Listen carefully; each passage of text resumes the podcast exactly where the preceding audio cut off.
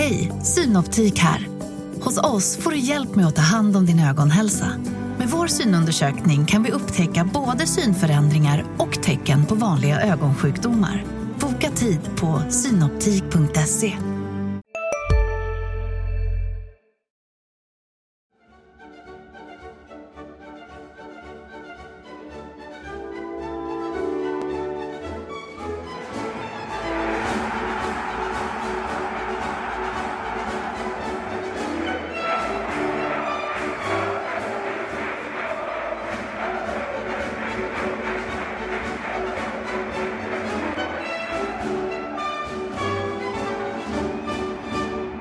Efter förlusten i söndags mot IFK Göteborg i måste-matchen, ångestmatchen, ödesmatchen så är HIF nu jumbo med tre omgångar kvar och dessutom är det ett mycket tufft spelprogram kvar för HIF. Det där ska vi titta mycket närmare på i veckans avsnitt av HIF-podden med Marian Svab, Sebastian Rönnström och så jag, Mattias Hjelm. Det är landslagsuppehåll nu. Och vi ska också titta på anfallsproblematiken bland annat och, och titta över säsongen i stort om vi kan hitta några trender och, och, försöka hitta några halmstrån också. Vad är det som kan göra att HIF faktiskt stannar i allsvenskan och spelar där 2021? Välkomna till er lyssnare och eh, välkomna Marian och eh, Sebastian. Vi tar några första reflektioner här kring Eh, vad ni tänkte efter matchen för HIF mot eh, IFK Göteborg? Ja, eh, framförallt så tycker jag man såg ett HIF som inte alls kom upp i, i den nivån som man kan kräva av ett lag eh, som slåss för sin allsvenska existens. Det, Olof konferensen efteråt sa att han var mycket besviken. Att eh, anfallsspelet var för dåligt. Det var för dålig rörelse, energi, kvalitet i eh, inspelen. Man bytte in Andreas Landgren, Skodran Maholi, Alhaji Gero för att få någon slags effekt i andra halvlek, men den uteblev totalt. Det var eh, helt enkelt inte en match där HIF presterade tillräckligt bra för att få med sig tre poäng och då eh, när det är sådana här måste-matcher så eh, krävs helt enkelt en bättre insats för att få med sig den och jag tyckte även man saknade lite av den här desperationen som borde prägla eh, en sån här match. Det var inte, alltså, det, det fattades liksom initiativ i anfallsspelet tycker jag. Det blev alldeles för statiskt. Många spelare som stod still i sina positioner istället för att ta en löpning kanske i djupled sära på backlinjen det, det blev helt enkelt för stillastående och eh, ja, då, då är det helt enkelt svårt att vinna fotbollsmatcher. Maja? Um, Sebastian för min talan här, men eh, det som, om jag ska lägga till någonting här så blev, reagerade jag lite grann på just det som Sebastian var inne på, alltså att Olof Mellberg i efterhand eh, eh, la över rätt mycket på spelarna istället för liksom den här självrannsakningen eh, saknades tyckte jag hos honom också. För eh, liksom eh, från och till, eller rätt ofta under säsongen har man känt att eh, kunnat sätta lite frågetecken efter, eller rätt många frågetecken efter matchcoachningen. Eh, och det kunde man efter denna också. Liksom. Det, var ju, det är ju inte så att Göteborg har rosat marknaden sen tränarbytet med Rolle Nilsson. Men jag tycker att Rolle Nilsson läste sönder Olof Mellberg och hans stabs eh, taktiska dispositioner helt och hållet. Och den andra saken som jag kanske ska lägga till är alltså att eh, det som bekymrar mig mest, eh, vi ska ju leta lite halmström sen som du sa Mattias, men det som bekymrar mig mest är själva kroppsspråket hos spelarna, hur det kan skilja rätt mycket. För att jag tyckte ändå hos ganska många ändå var det ändå rätt hygglig eh, lite kampvilja i derbyt mot Malmö. Sen att man inte räckte till där. Hade man, känner jag, hade man tagit med sig det in, den attityden in till den här matchen som egentligen var på sätt och vis viktigare för HIF så, man hade kunnat få, Göteborg var inte heller i något roligt läge när de kom till Olympia. Men jag tycker det är kroppsspråket som bekymrar mig mest hos HIF-spelarna nu. Eh, det är lite sådär att det hängs med eh, huvudena vid minsta lilla motgång. Och eh, jag menar, F i andra halvlek när man ska, jag menar forceringen uteblir helt liksom. Det, det, det, känns som att luften har gått ur HIF redan där när egentligen de borde brösta upp sig och som Sebbe säger, liksom, den här desperationen borde framkomma tydligare. Jag funderar på en del saker också i den här matchen. Jag, jag tänker hur man går in i den här matchen. Jag vet ju inte vad Olof Mellberg har sagt i de sista orden eller i förberedande fasen. Att Nej, och här... vi har inte sett träningarna heller för de är ju stängda så det är svårt att se vad som händer på träningarna. Ja, men, jag, men jag tänk, det jag tänker är att eh, oavsett sport egentligen, när ett lag ska gå in till en match och en väldigt viktig match, så kan det vara så, om det nu är så här vet jag inte, men att okej, okay, tänk nu, håll, håll defensiven, släpp inte till någonting och sen så försöker vi hitta vårt spel. Och det kan ju vara bra, men det finns också en risk i det att man aldrig kommer in i det. Istället för att säga okej, okay, det här är en viktig match. Nu är det vi som går in och dominerar och vi trycker på gasen från första sekund. Jag vet inte vad som präglade det. Eh, jag kan bara konstatera att det jag såg i första halvlek när jag satt och tittade där på plats var att, och jag sa det till dig också Sebbe, att Ja, det ser inte ut som en ångestmatch nu, för båda lagen har ändå kvalitet i det de gör. Okej, okay, det är inte så att det är sprudlande fram och tillbaka, att nu är det våga eller vinna och satsa allt eller förlora allt.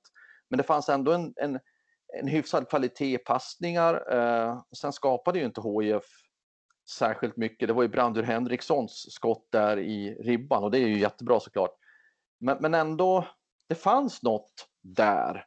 Eh, sen tyckte jag att Blåvitt efter en, en mycket blek inledning där de verkligen uppenbart satsade på att okej, okay, vi håller tätt så eh, får vi gå framåt senare, senare vad det lider i matchen. När de väl började tugga sig in i matchen fanns det en annan uppfinningsrikedom i anfallsspelet, kortpassningsspel. Tobias Sanna hade bra kontroll på fötter och mottagningar och passningar. Och, ja, det fanns, fanns någonting så att, att Blåvitt tog ledningen kändes ju inte konstigt.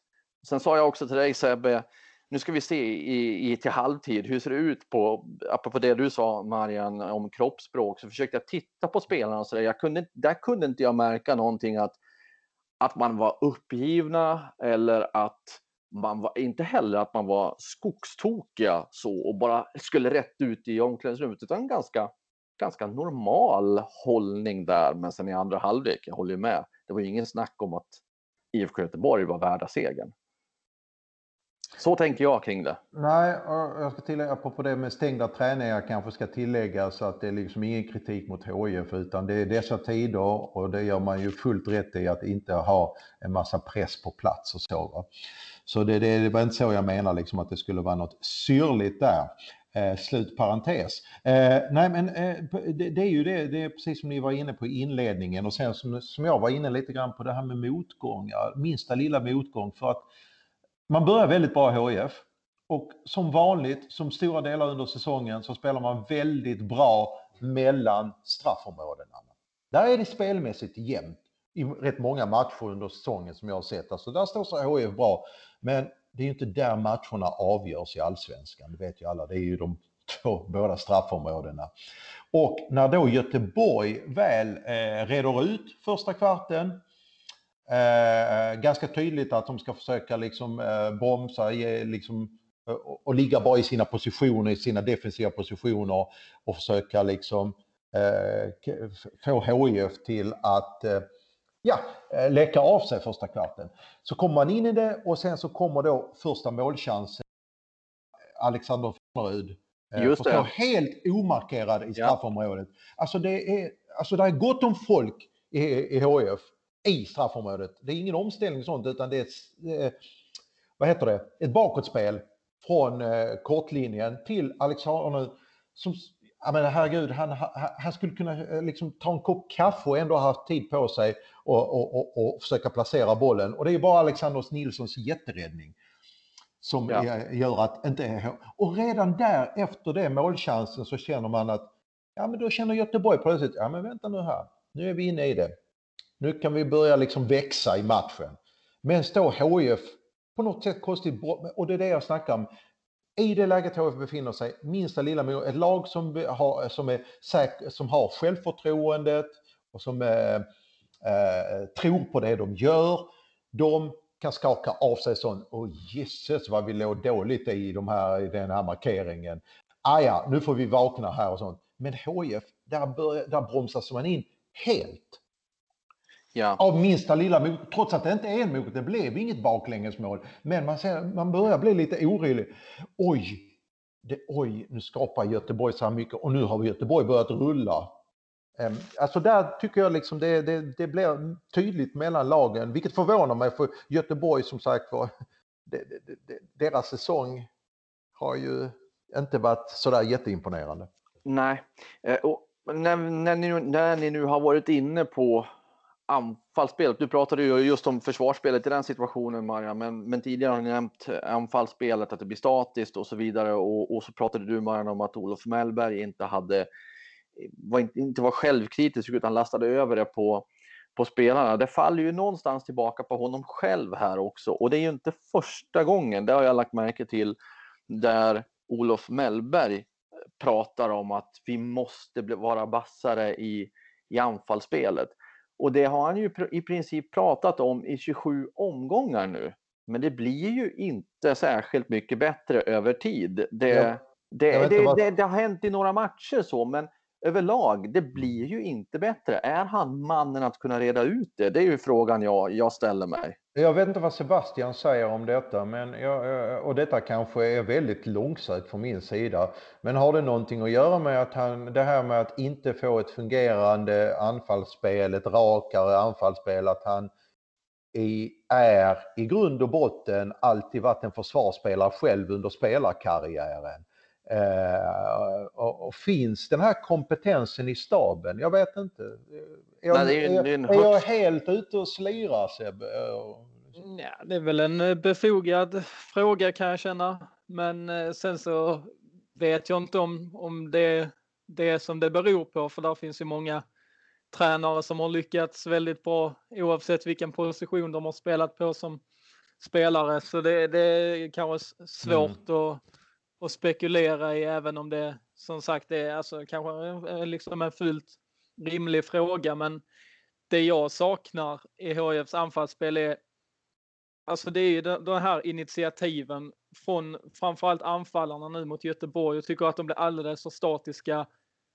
På, liksom de, de gick upp och typ ställde sig bredvid varsin mittback uppe vid eh, straffområdeslinjen eh, när HIF då tryckte på och, och hade Eh, hade boll i försvaret och försökte rulla runt och hitta ytor att kunna slå bollen på. Och sen så är det en annan grej. Så fort man ser HF vinna boll så går det alldeles för långsamt innan man tar sig till anfall. Det går, det är liksom man ser en spelare som får bollen.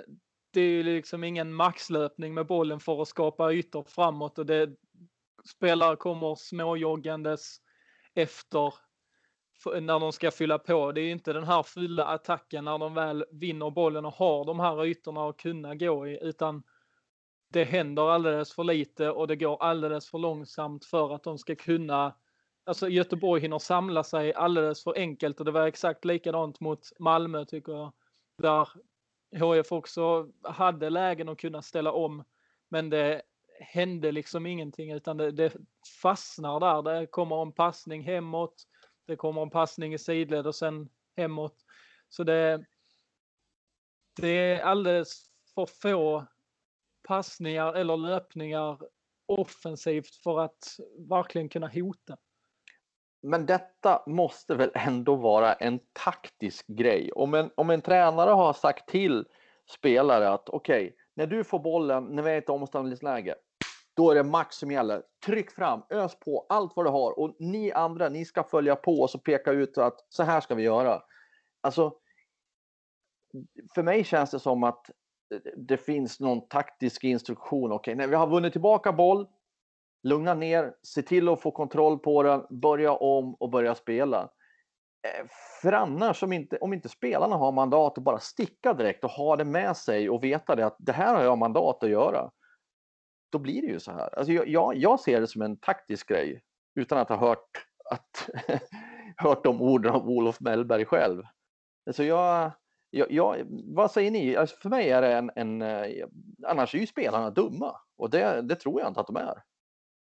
Jag vet inte hur mycket det betyder heller också att faktum är alltså, åtminstone i senaste matcherna, sen, jag tänkte vi ska återkomma sen som visar liksom när vi delar upp säsongen här Eh, eh, rent statistiskt eh, så kommer det visa en annan sak men eh, det är kanske så att Rasmus Jönsson som ändå var i en rätt så hygglig form hade kunnat eh, eh, liksom bryta mönster på något sätt i ett anfallsspel här. För det är väldigt, som Sebbe är inne på, det är väldigt statiskt. Det handlar om att knacka ut bollen till Martin Olsson eller till någon av ytterbackarna och sen är det ett inlägg. Och när um, Göteborg tyckte liksom alltså att, det började brännas lite, lite i andra halvlek, ja men då stoppade man in så att man fick till en fembackslinje. Och sen var matchen stängd. För HIFs del. Mm. Eh, och för Göteborgs del också för den delen. Och, och det är där jag känner liksom att denna eh, har de bara ett sätt att anfalla på, är det det som är liksom att man ska upp med sina wingbacks och så, ja men då förstår jag liksom, har man, men jag håller med dig Mattias, det är väldigt märkligt att man i, och Sebbe i omställning, att man, man ser ju aldrig HIF gå på en omställning fullt ut. Eh, någon gång har man gjort det kanske, eh, jag såg det var något mål eh, borta mot Djurgården. Eh, där det var liksom rätt, eh, där man fick 2-2 i andra halvlek där man spelade med rätt snabba omställningar. Eh, ett, en period där i mitten av serien där tyckte jag ändå man såg tendenser till att anfallsspelet varierades. Men nu är man inne i det där statiska igen liksom. Alltså att ja, vi knackar ut bollen på en kant och så får det komma ett inlägg. Det är liksom aldrig något kombina försök till kombinationsspel centralt där man liksom väggar eller någonting eh, liksom i det. Eh, alltså, eh, att man varierar helt enkelt eller då går på omställning fullt ut.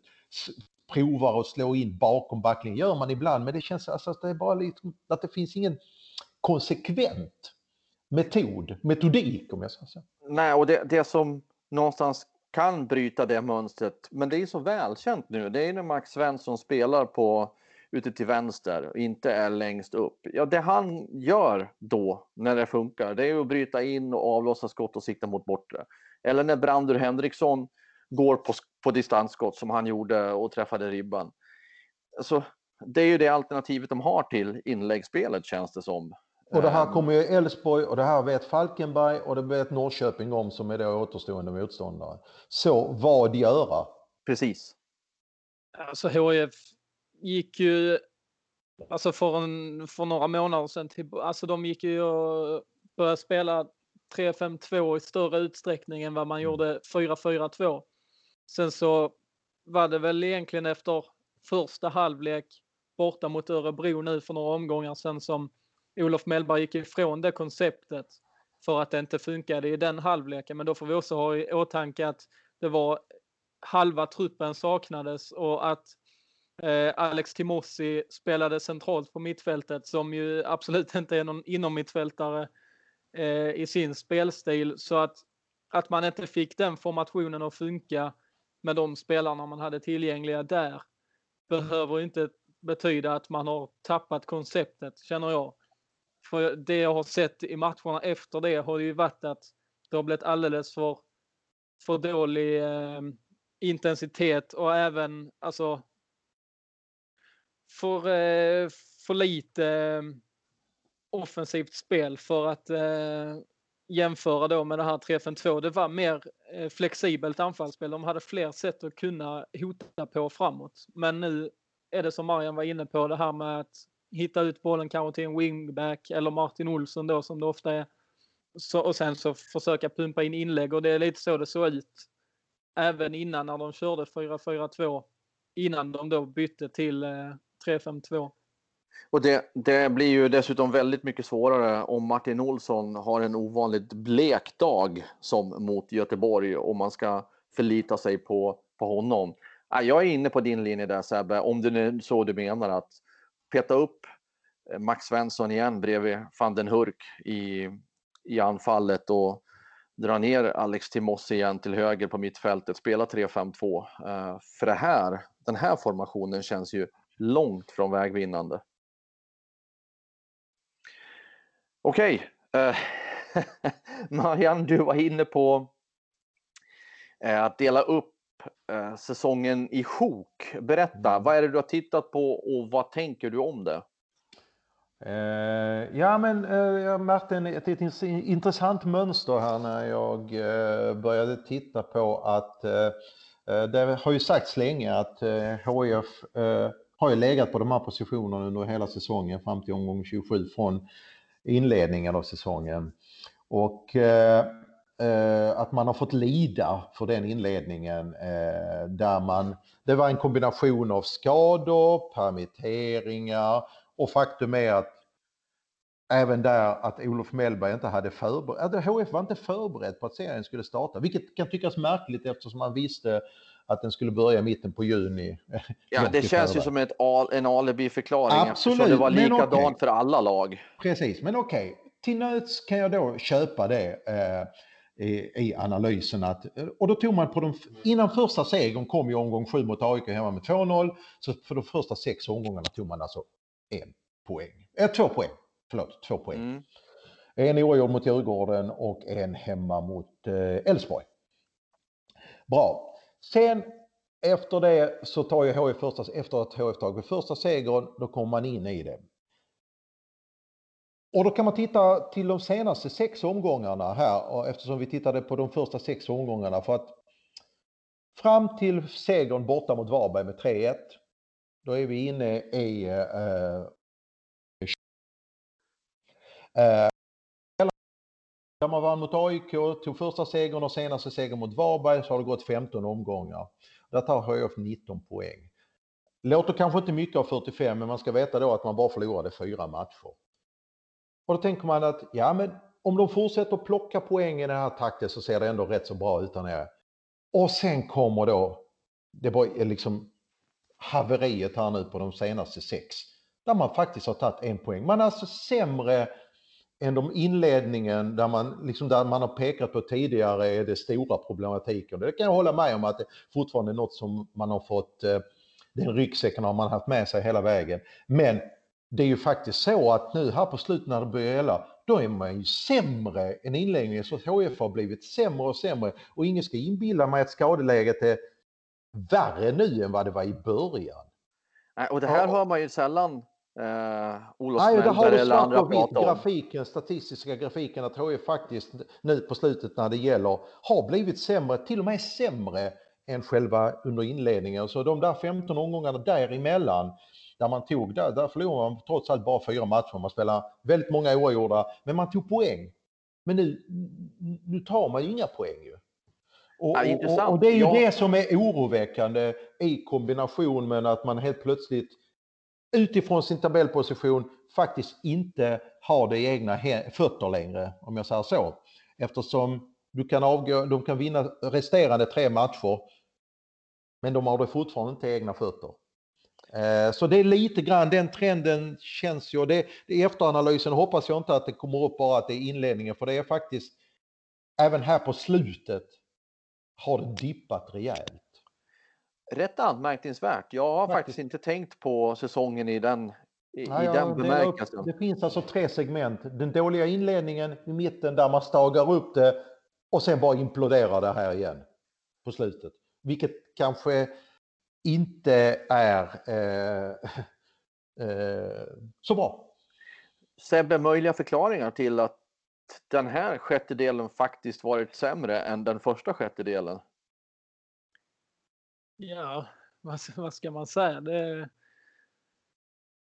eftersom det är sex matcher här nu så går det inte bara att skylla på förlusterna av skadade Rasmus Jönsson och försäljningen av Armin Gigovic, även om jag tror att det är en stor förklaring till att anfallsspelet har blivit mycket sämre nu de allra senaste matcherna.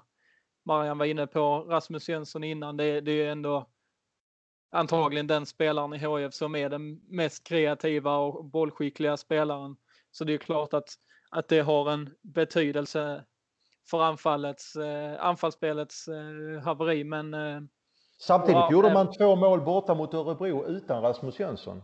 Ja, jo så, så är det ju. Men, men jag tror ändå att där, där, finns ändå en, en liten del av förklaringen. Den, större delen verkar ju ändå vara taktisk eftersom man inte ser men, men rent eh, spelskicklighetsmässigt eh, skulle jag nog säga att Rasmus Jönsson är, är en av eh, förklaringarna där. Även Armin Gigovic då ju som, som hade en, eh, en fast plats i startelvan och som eh, var en sån spelare, box till box och som var bra på att liksom driva boll och, och driva upp lite tempo.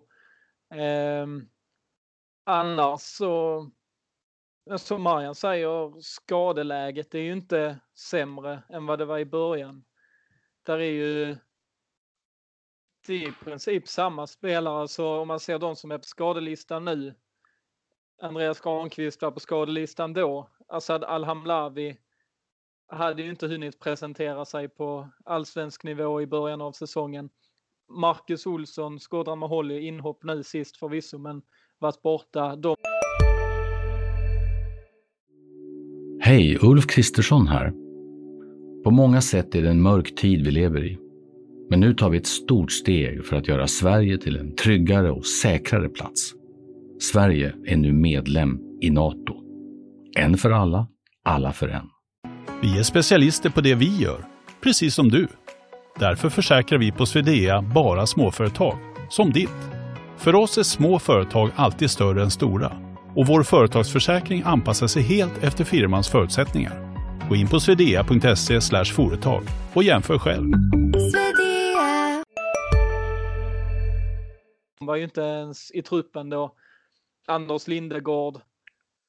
Han var, han var väl med de här första matcherna men han har ju å andra sidan varit borta en lång period av eh, i den här mellantiden där de då faktiskt fick med sig resultat. Så... Och på, på slutet har ju även alltså det, liksom det här lånet av Keba Cisse från början hade man ju liksom, det var ju mittbackskaos i början på säsongen. Nu har man ändå fått in Keba Cisse som ändå har, har, har varit eh, ja, ett, ett bra lån. Mm. Andreas Landgren är tillbaka från skada även om han inte, om han bara spelat eh, en match från start. Eh, men det, nej, alltså det, det är svårt, alltså man tänker då att så som HIFs förklaringsmodell har sett ut under säsongen, att det varit mycket skador som har påverkat. Det har varit den här inledningen då på grund av permitteringar och så vidare. Så får man ju svårt att, man, man kan ju inte köra den, eh, de argumenten nu här i slutet av säsongen, för det är ju inte så läget är nu. Så jag, eh, Ja, det, jag blev själv överraskad det, måste jag säga när jag delade upp säsongen så. Det är väl mer spel, alltså spelmässiga bitar nu. Det är svårt att se att man kan klaga på några yttre faktorer här i alla fall. Och sen är det en annan sorts fotboll, är det inte det också? Jag vet inte om ni håller med mig kanske, men det är en annan sorts fotboll så här i slutet av säsongen jämfört med i början. Eh, och, och, och, om man tittar på, ja, om man tittar framförallt på lagen där nere Eh, när poängen blir viktigare och viktigare ju längre säsongen går, även givetvis för topplag om det nu hade varit en toppstrid att tala om. Eh, men, men, men det blev väl en annan sorts fotboll. Sebbe, du, du är ju fortfarande aktiv, jag på sig. Men visst blir det även på en lägre nivå, men, men det, visst blir det så att det blir en annan sorts fotboll och jag, frågan är om de här HJ-spelarna är tillräckligt mentalt starka för att ta de här, ah, vad ska jag säga, det är mer brottarfotboll kanske på många håll. Jag menar, Eh, jag såg ju lite grann nu hur den här matchen med Örebro-Kalmar, där Kalmar vann och tog tre pinnar och gick förbi upp på kvalplats. Jag kan inte påstå och, och att Örebro har ju då på sitt torra, alltså Kalmar, det var inte mycket till skönspel. Men det var det enkla. Duell, vinna duellspel, vinna eh, kamperna en mot en, ta vara på fasta situationer. Alltså de här basic grejerna. Mm. Det såg man liksom, alltså, det är exakt så de spelar. Det är så Falkenberg också spelat som ryckt upp sig här på slutet. Men sen nådde man ju inte liksom fram riktigt till Falkenberg nu senast mot Elfsborg för att Elfsborg är så pass mycket bättre som lag, spelskickliga lag. Men mot lag där nere så, så, så, så, vet ju de här lagen som le, le, legat där nere nu ett tag, men det känns inte som att HIF plockar fram, utan att man fortfarande är, känner att ja, men, vi ska ha ett possession-lag. Det är andra regler som gäller nu i slutet av säsongen och kan man koppla, där har vi det här ena halmstrået. Man måste nog koppla på det här nu, nu är det bara kamp som gäller. Basic grejer i fotboll. Strida ja. om varje millimeter på planet, ta vara på en fast situation här och där. Eh, eh, eh, löpa höll jag på att säga, liksom till, till, tills man liksom ner på hörntänderna. Men, men, men, visst fanns det ändå de tendenserna i början av andra halvlek? För de HIF-spelarna gick ju in betydligt tuffare i närkamperna ett tag i alla fall. Så pass mycket att de drog på sig ett par gula kort och man började undra, går de över gränsen här? Men det var ju, det var ju en övergående tid i matchen mot du Göteborg. Du sa ett tag, du, hade, du pekar på det själv Mattias, ett tag. Ja, det, och det behöver man ju naturligtvis hålla i över hela matchen. Jag vet inte ja, Sebbe, du som spelar, vad, vad, är det för fotboll? Det, det, är väl ändå skillnad på fotbollen nu som spelas i slutet av säsongen och, och i början. När alla ska hitta rätt och kännas efter lite grann, känna in sig. Ja, självklart. Alltså man har ju inte råd med någonting nu. Alltså visst, alla matcher är, är ju lika viktiga. Det är lika många mm. poäng som står på spel i alla, men man har ju ändå en, ett slags överseende med om det är saker i spelet som hackar i början av säsongen och det brukar det också vara för alla lagen i så fall. Men nu är det ju en helt annan situation. Det krävs till helt annan desperation och det här som du säger Marianne med hörnorna eh, och fasta situationer. Liksom det är ju så den här matchen avgörs till exempel på en hörna. Eh, och det du säger Hjelm som med och, alltså att HF den här perioden i andra halvlek gick in i mer dueller. Det, det håller jag såklart med om. Man såg Anthony van den Hurk fullföljde en löpning mot eh, Anestius, målvakten i Göteborg och satte in en rejäl tackling på honom. Det är ändå, alltså, där fanns ju ändå de här, vissa spelare i alla fall, som gick in och tog den här smällen och, och visade ändå eh, framfötterna där, eh, försökte genom eh, sitt spel och elda igång laget. Men det blev kanske för, för få antal spelare som, eh, som följde i det mönstret och, och sen så ebbade ut eh, de tendenserna ju längre halvleken led. Jag tror det är halmstråna där, det är Sebbe inne på, signalvärdet, att man måste samt och samordna det så att det, det, det blir, eh, alltså att kollektivet faktiskt visar för varandra och med det här kanske, med, med de här basic grejerna vi pratar om nu, som måste till. I så fall tror jag att HF har kanske till och med ganska bra chans att kanske få med sig, grisa till sig något från Borås nu närmast. Och sen måste, det är ju framför vi vet hur Falkenberg kommer att spela på Olympia. Eh, det, jag tror inte på det här med att man kan rulla ut ett Falkenberg på Olympia Eh, eh, utan det måste till en samordning, ett signalvärde här liksom duellspelet, kamperna, eh, det här liksom att våga skita, alltså ta, skita ner sig, skita ner sig, alltså få skit under naglarna om jag säger så. Eh, om jag, om, om jag ska ta någon slags uh, spelarperspektiv här så skulle det kunna vara så här. Jag säger inte att det är så, men det skulle kunna vara så att att det, att det kan vara någon slags frustration över att man inte får spelet synkroniserat. Att man, man går in där, man har ambitionen, intentionen att faktiskt vara maximala i, i närkamper och energi och aggressivitet och allt det där. Men så får man inte ihop helheten och hur mycket man än vill så ser det ut som att man inte vill ibland.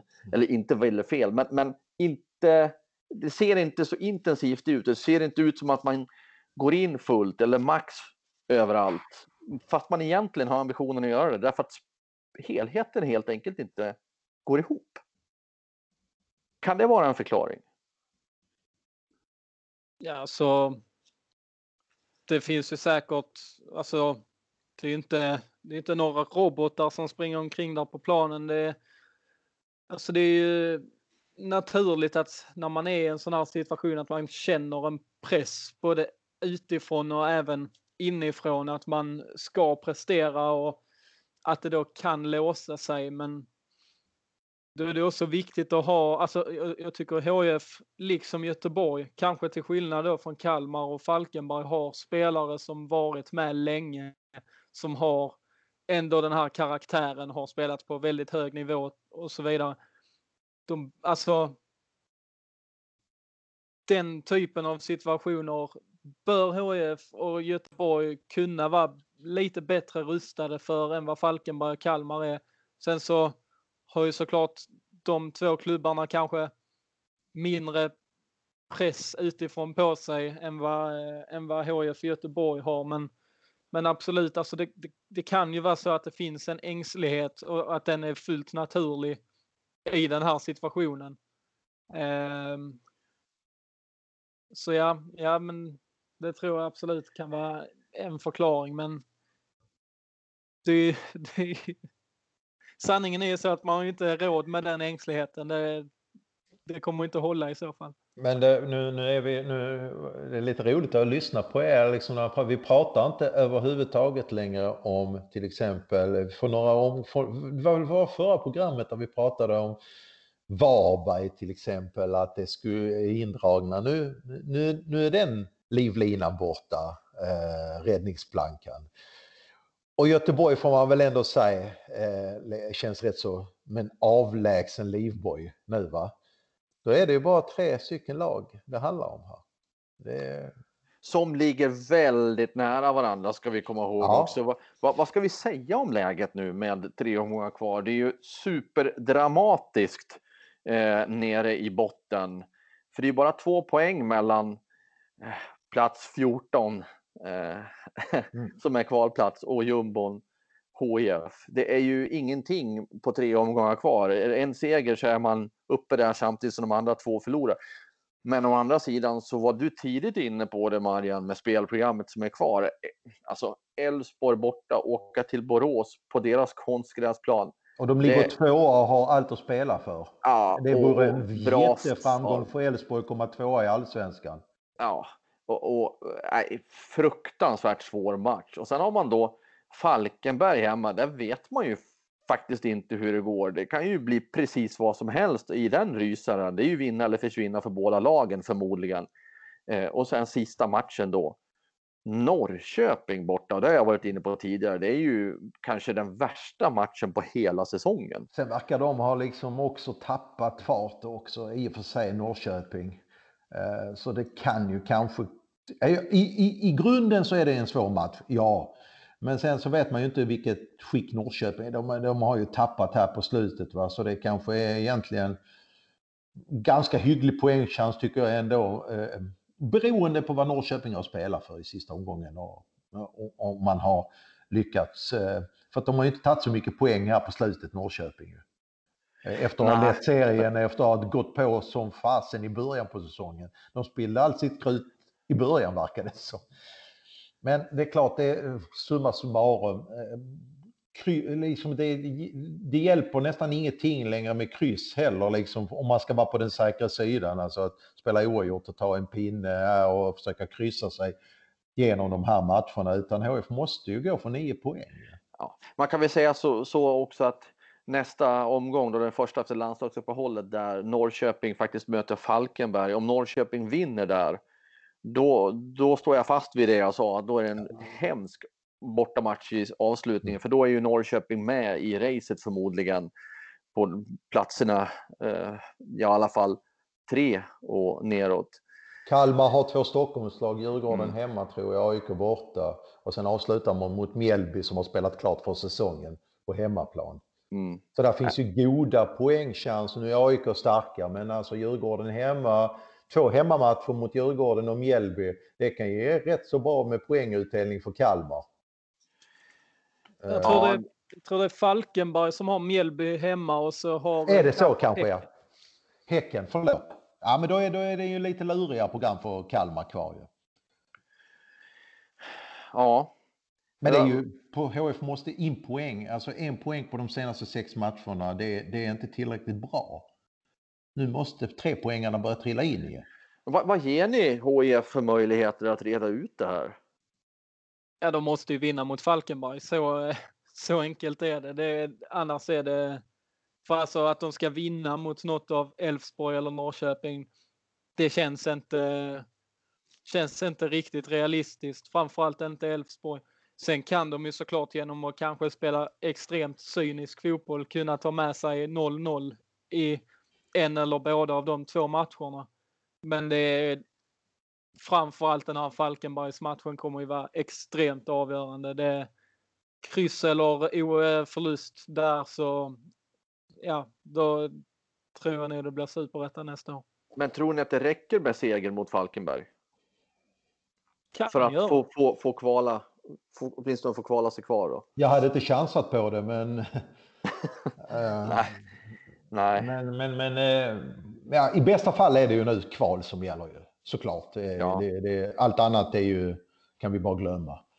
Eh, eh, ja, som sagt, den här Göteborgsmatchen har ju ställt till det väldigt mycket.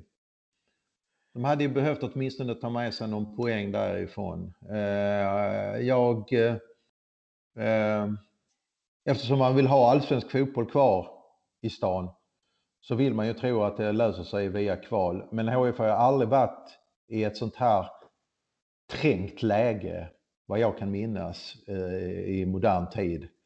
Eh, att vara jumbo med tre matcher kvar. Eh, och det kan säkert någon historiker eh, upplysa mig om vid senare tillfälle att HIF i gamla tider har har varit i ett ännu sämre läge. Men just nu så känns det ju jag förstår inte just liksom det här med kroppsspråket och att eh, man inte kan förändra. Eh, jag hoppas man kan, kan man förändra lite spelmässigt och ta in de här ingredienserna som jag sa som är basic så här på slutet på säsongen för ett bottenlag. Spela lite mer brottarfotboll, eh, stöka till det. Så, och, men en, en poäng från Borås hade ju varit välkommet. Det tror jag kan lyfta HIF eh, och jag tror fortfarande någonstans vill man ju tro att det ska gå vägen via kval. Men som Sebbe säger, det, då måste det till att man slår Falkenberg hemma. Gör man inte det så är det game over. Ehm, mm, det finns ju en faktor till faktiskt som kan komma in i det här och som kan avgöra det eh, som lagen, alltså det är bortom kontroll för lagen. Vi ser ju nu den ökade smittspridningen, rejält ökade smittspridningen i, i landet med corona. Och vi vet ju inte. Det kan ju faktiskt vara så att något av de här lagen får ett utbrott. HIF har ju haft det tidigare under säsongen, men i det här skedet, i det här läget, om något av lagen får ett utbrott så är det ju förmodligen tack och godnatt utan att man egentligen har en chans att göra någonting åt det. Så det är ju, det känns ju som en, en fruktansvärd parameter i samhället att hantera. Och, och så då in i fotbollen utöver det om det händer. Och det, den sannolikheten ska man nog väga in i det här tänker jag. För det är, klarar man sig som lag nu utan utbrott så är det ju jättebra. Men, men det är ju verkligen ingen garanti. Fast så har det varit hela säsongen. jo, det HIF det. men- riskerade när de var liksom, när de, då, då riskerade de ju att få ställa ett juniorlag på benen. Förutsättningarna har varit klara hela vägen tycker jag. Ja, så är det. Men det som är skillnad nu, det är att i somras så gick smittspridningen ner. Det var inte lika stor sannolikhet för att drabbas. Nu ser vi ju en explosion av smittan på ett helt annat plan och dessutom är vi inne i själva upplösningen av allsvenskan, vilket ju då är en, en, en annan eh, försvårande omständighet jämfört med i somras. Så tänker jag i alla fall. Ja, det vore ju den ultimata avslutningen på den här säsongen och det är ju I negativ bemärkelse. Men, eh, men eh, nej, alltså det, det är inget scenario man kan utesluta här, tyvärr. Det, det vore ju såklart fruktansvärt om det, om det skulle avgöras på sådana grunder, men eh, så vi får ju bara hoppas att det absolut inte blir så. Men, men Ja. det, För nu är det alldeles för sent också. Frågan där, för det är ändå en sak som kan komma att få väldigt stora konsekvenser för klubbarna över lång tid framöver. Ja, och, och det är ju såklart alldeles för sent för, på säsongen för att förbundet skulle gå in och ge någon slags räddningsplanka att amen, det här blev alldeles för orättvist. Vi, vi kan inte skicka ut det här laget som då eventuellt har drabbats eh, och inte fått chansen att klara sig kvar på egen hand om man uttrycker det så, utan spelets regler nu är att corona än mer är aktuellt nu än, än tidigare och, och kan bli avgörande. Och det är bara att köpa läget, även om man så skulle behöva ställa upp med eh, idel juniorer. Man om det kommer att slutföra säsongen, jag kan inte se det på annat nej, sätt. Nej, kommer. det kan inte jag heller. Men om vi ska gå tillbaka till HS möjligheter så skulle jag hemskt gärna vilja se nu, eh, om, om vi pratar nu om de här halmstråna igen. Så för att optimera möjligheten i alla fall så vill jag ju, skulle jag jättegärna vilja se nu att de här som ni pratar om, så där man har ändå trots allt en liten fördel kanske, det är väldigt många spelare som har varit med förr. Eh, att de här spelarna som ska göra det, de här, eh, eh, alltså ändå liksom som namn som Martin Olsson och Mix och de här, att de verkligen kliver fram nu och tar fatt i detta. Eh, försöker liksom maximera sin egen prestation och då får dra med sig de andra. Kanske ta med Andreas Granqvist nere på bänken. Jag vet att han var där i någon match. Eh, jag vet om att det liksom, eh, jag har inte tänkt klart den här tanken, men alltså, alltså att ta in alla de här, typ, alltså att man kraftsamlar tillsammans och, och, och att göra det. Sen, sen, sen, förstår jag liksom alltså att omständigheterna och som det ser ut i samhället så kanske man inte ska kanske packa ihop eh, så mycket folk som möjligt i en buss upp till Borås. Men alltså på något sätt liksom alltså att de här ledande spelarna verkligen tar ett sista ryck och tar fatt i det här, kliver fram. Eh, att, eh, och, och hjälper Olof Mellberg så han får hjälp också, alltså så inte han står ensam i detta. Och som sagt var, i det läget att han släpper prestige kanske står och bollar med Andreas Granqvist och släpper in honom i ett om, liksom att han, eh, Lindegard som varit med länge. Jag vet inte, men jag tänker fritt nu. Jag låter tankarna löpa och flöda här, men jag försöker hitta liksom ett, en väg framåt här. När du är inne på det, Marian, så behöver frågan ställas här och lyfta den. Ska Olof Mellberg få ha ansvaret över de tre sista matcherna eller borde HIF lyfta bort honom och göra någon förändring, få in någon annan typ av eh, energi eller vad man kallar det för, bara signalera någonting. Eh, Christer Aselius som jag gjorde en lång intervju med häromdagen, han konstaterar att Olof Mellberg ska leda eller kommer att leda eh, laget avslutningen av säsongen. Är det rätt tänkt? Eller borde man gå in och faktiskt lyfta bort honom med tanke på allt vi har pratat om nu som, som faktiskt inte fungerar och som heller inte har fungerat under stora delar av säsongen? Vad är alternativen? Det vet jag inte. Men det är ju å andra sidan en, en HIF-ledning till för bland annat att gräva fram alternativ i så fall. Ja, det är ju uppenbart att Olof Mellberg misslyckats alltså, resultatmässigt. Det har ju inte bara hon, han utan hela laget eh, så sett.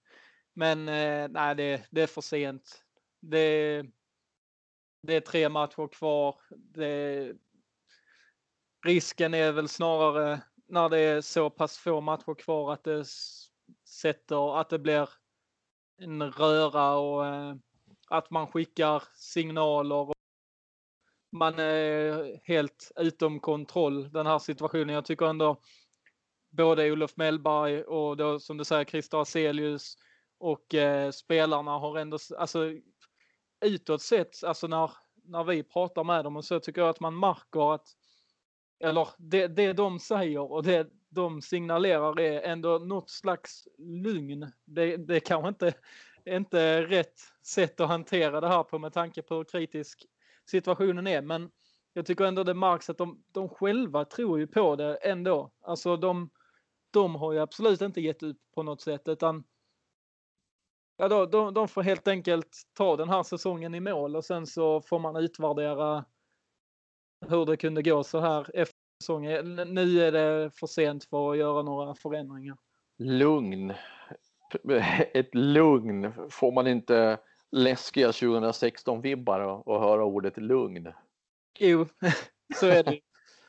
Men det, det, kanske kan man stryka ordet lugn och säga tro istället. Alltså att det är det som jag i alla fall tycker ändå på något sätt genomsyrar eh, laget, alltså utåt sett, kanske inte så på planen nu de två sista matcherna, eller i alla fall mot Göteborg, men det är ändå, alltså jag tror ändå att de har ingen panik på det sättet utan det känns som de ändå försöker jobba metodiskt hela vägen in.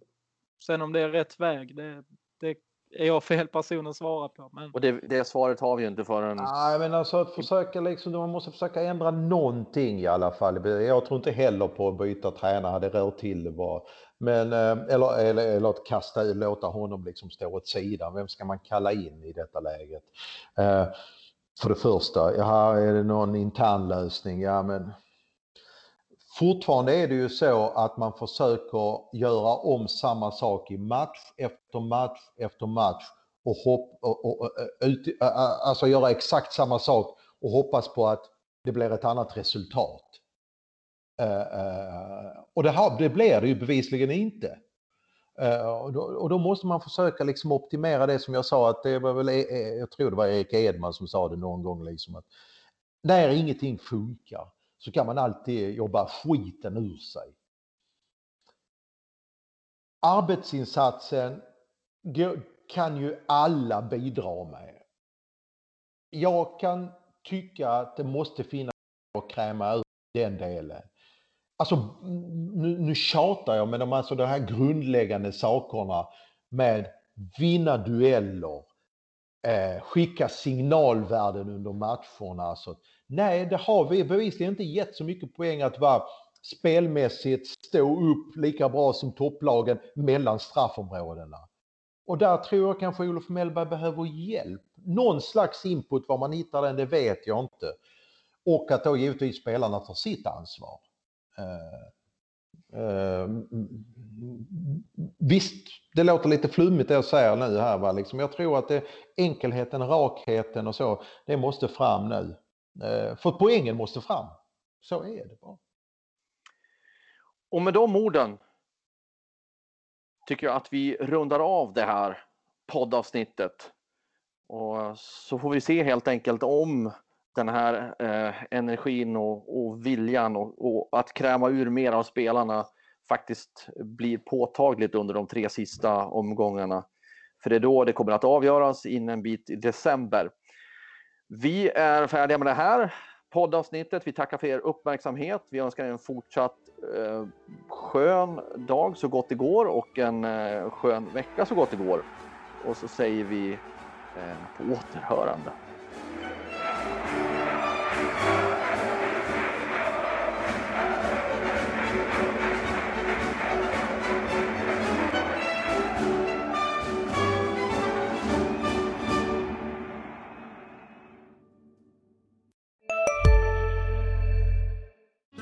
Hej, Susanne Axel här. När du gör som jag och listar dig på en av Krys vårdcentraler får du en fast läkarkontakt som kan din sjukdomshistoria.